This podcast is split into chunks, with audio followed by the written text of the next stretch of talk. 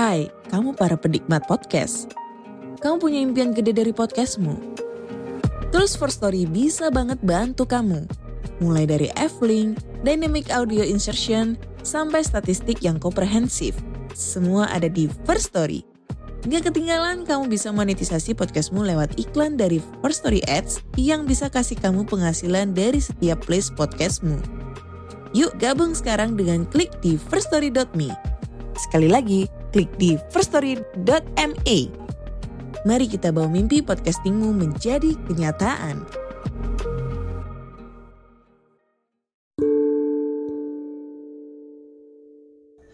Jangan salah berharap.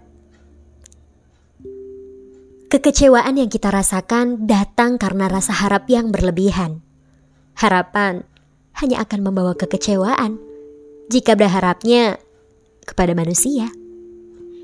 Berharap kepada orang tua kadang juga bikin kecewa. Berharap kepada teman sering bikin kecewa juga. Berharap kepada pasangan pun bisa bikin kecewa. Meskipun mereka baik, tetap saja mereka manusia. Tetap aja punya batas kemampuan. Atau malah bisa ngerasa risih, males, dan bosan. Manusia memiliki keterbatasan. Maka letakkanlah pengharapanmu pada tempat yang tepat yang tidak terbatas, yaitu Tuhanmu, Allah. Bergantunglah dan berharap hanya kepadanya. Kenapa sih kok kita merasakan sakit hati? Iya, karena salah menempatkan pengharapan. Kita lebih banyak berharap kepada manusia. Seorang pelajar berharap bantuan temannya mengerjakan tugas atau berharap temannya memberikan kunci jawaban saat ujian. Seorang karyawan berharap gaji pemberian bosnya. Seorang istri berharap uang bulanan suaminya. Seorang teman berharap bantuan teman lainnya saat ia sedang terpuruk. Berharap, berharap kayak gitu yang biasanya bikin hati potek alias patah hati. Aku sudah pernah merasakan semua kepahitan dalam hidup dan yang paling pahit ialah berharap pada manusia. Itu kata Ali bin Abi Thalib tentang pahitnya berharap pada manusia.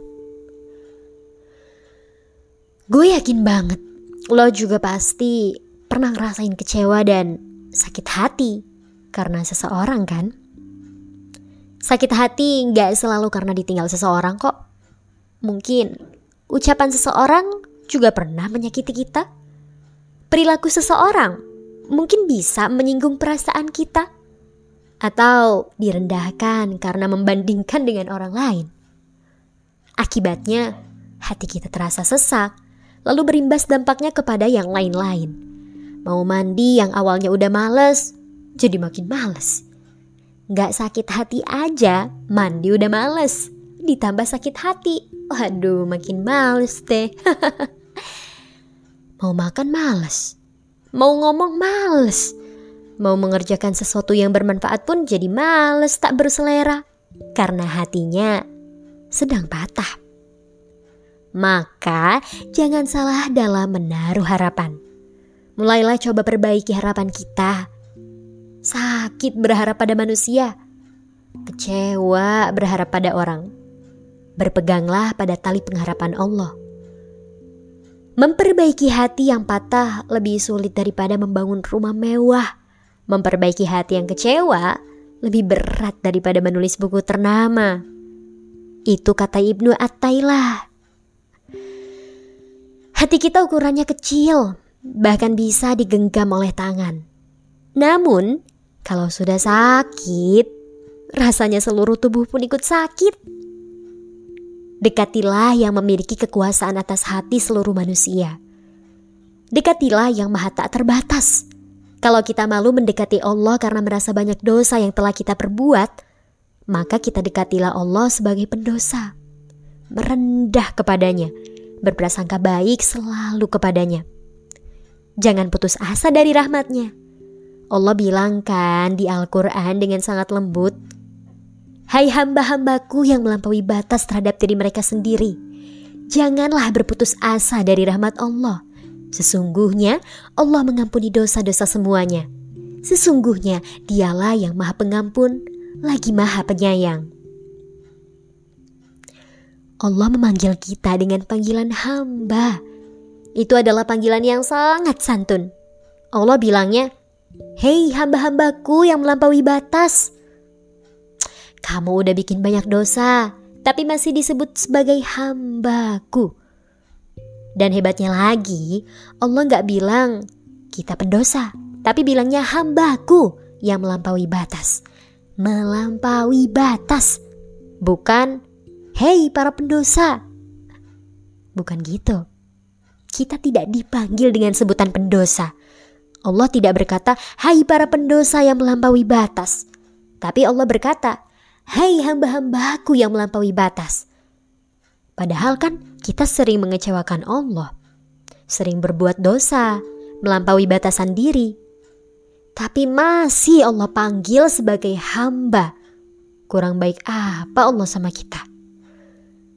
Kalau kita malu mendekati Allah karena tobat, lalu maksiat lagi, lalu tobat lagi, lalu maksiat lagi, terus menerus gitu-gitu aja berulang-ulang, maka Allah berkata, Rahmatku mendahului murkaku. Hmm, kurang baik apa Allah sama kita?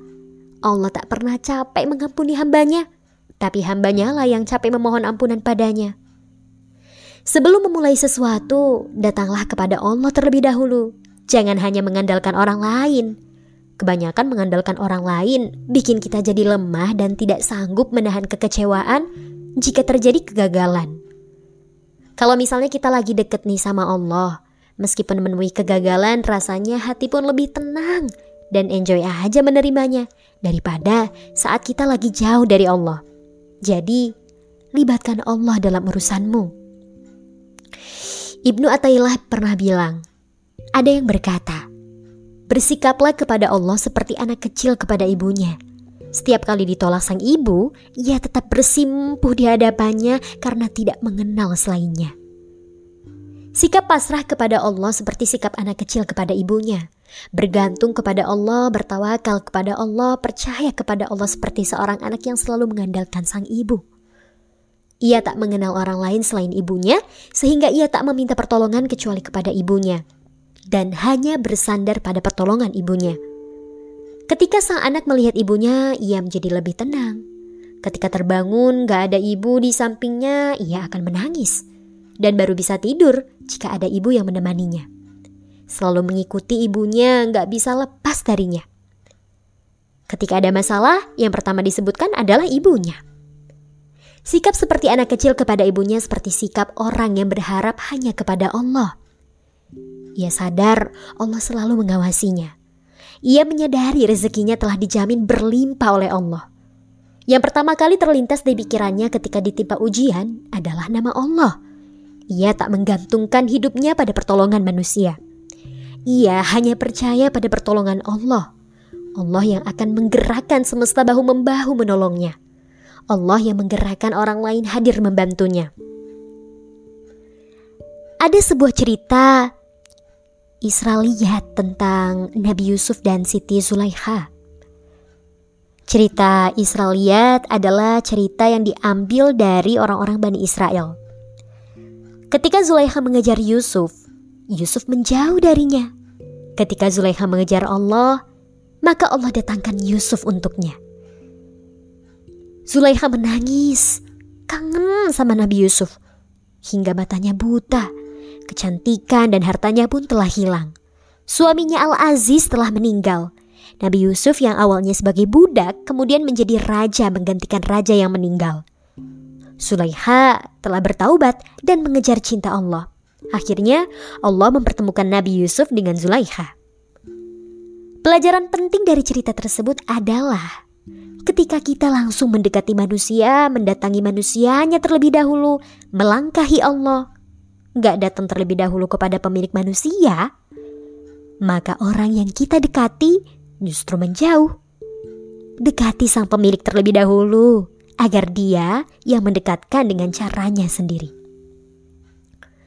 Tidak hanya perihal pasangan, dalam keadaan lain pun dekati Allah terlebih dahulu. Ketika ingin memulai sesuatu, dekati Allah terlebih dahulu. Hubungilah Allah terlebih dahulu. japri Allah terlebih dahulu. Jangan langsung menghubungi orangnya. Akibatnya nanti ya kecewa. Dalam berbisnis, berlomba, atau menargetkan sesuatu hal, urusan teknis itu urusan belakangan. Yang terpenting, lobby dulu yang maha kuasa. Baru setelah itu mulai jalankan rencana dan hal-hal teknis lainnya. Jangan salah menaruh harapan. Hati kecewa karena terlalu berharap pada yang tidak tepat. Bergantunglah dan berharaplah kepada Allah. Libatkan Dia dalam setiap urusan kita. Nasib memang ada di tangan manusia, tapi Allah lah yang membuat sistemnya bagaimana cara nasib itu bekerja.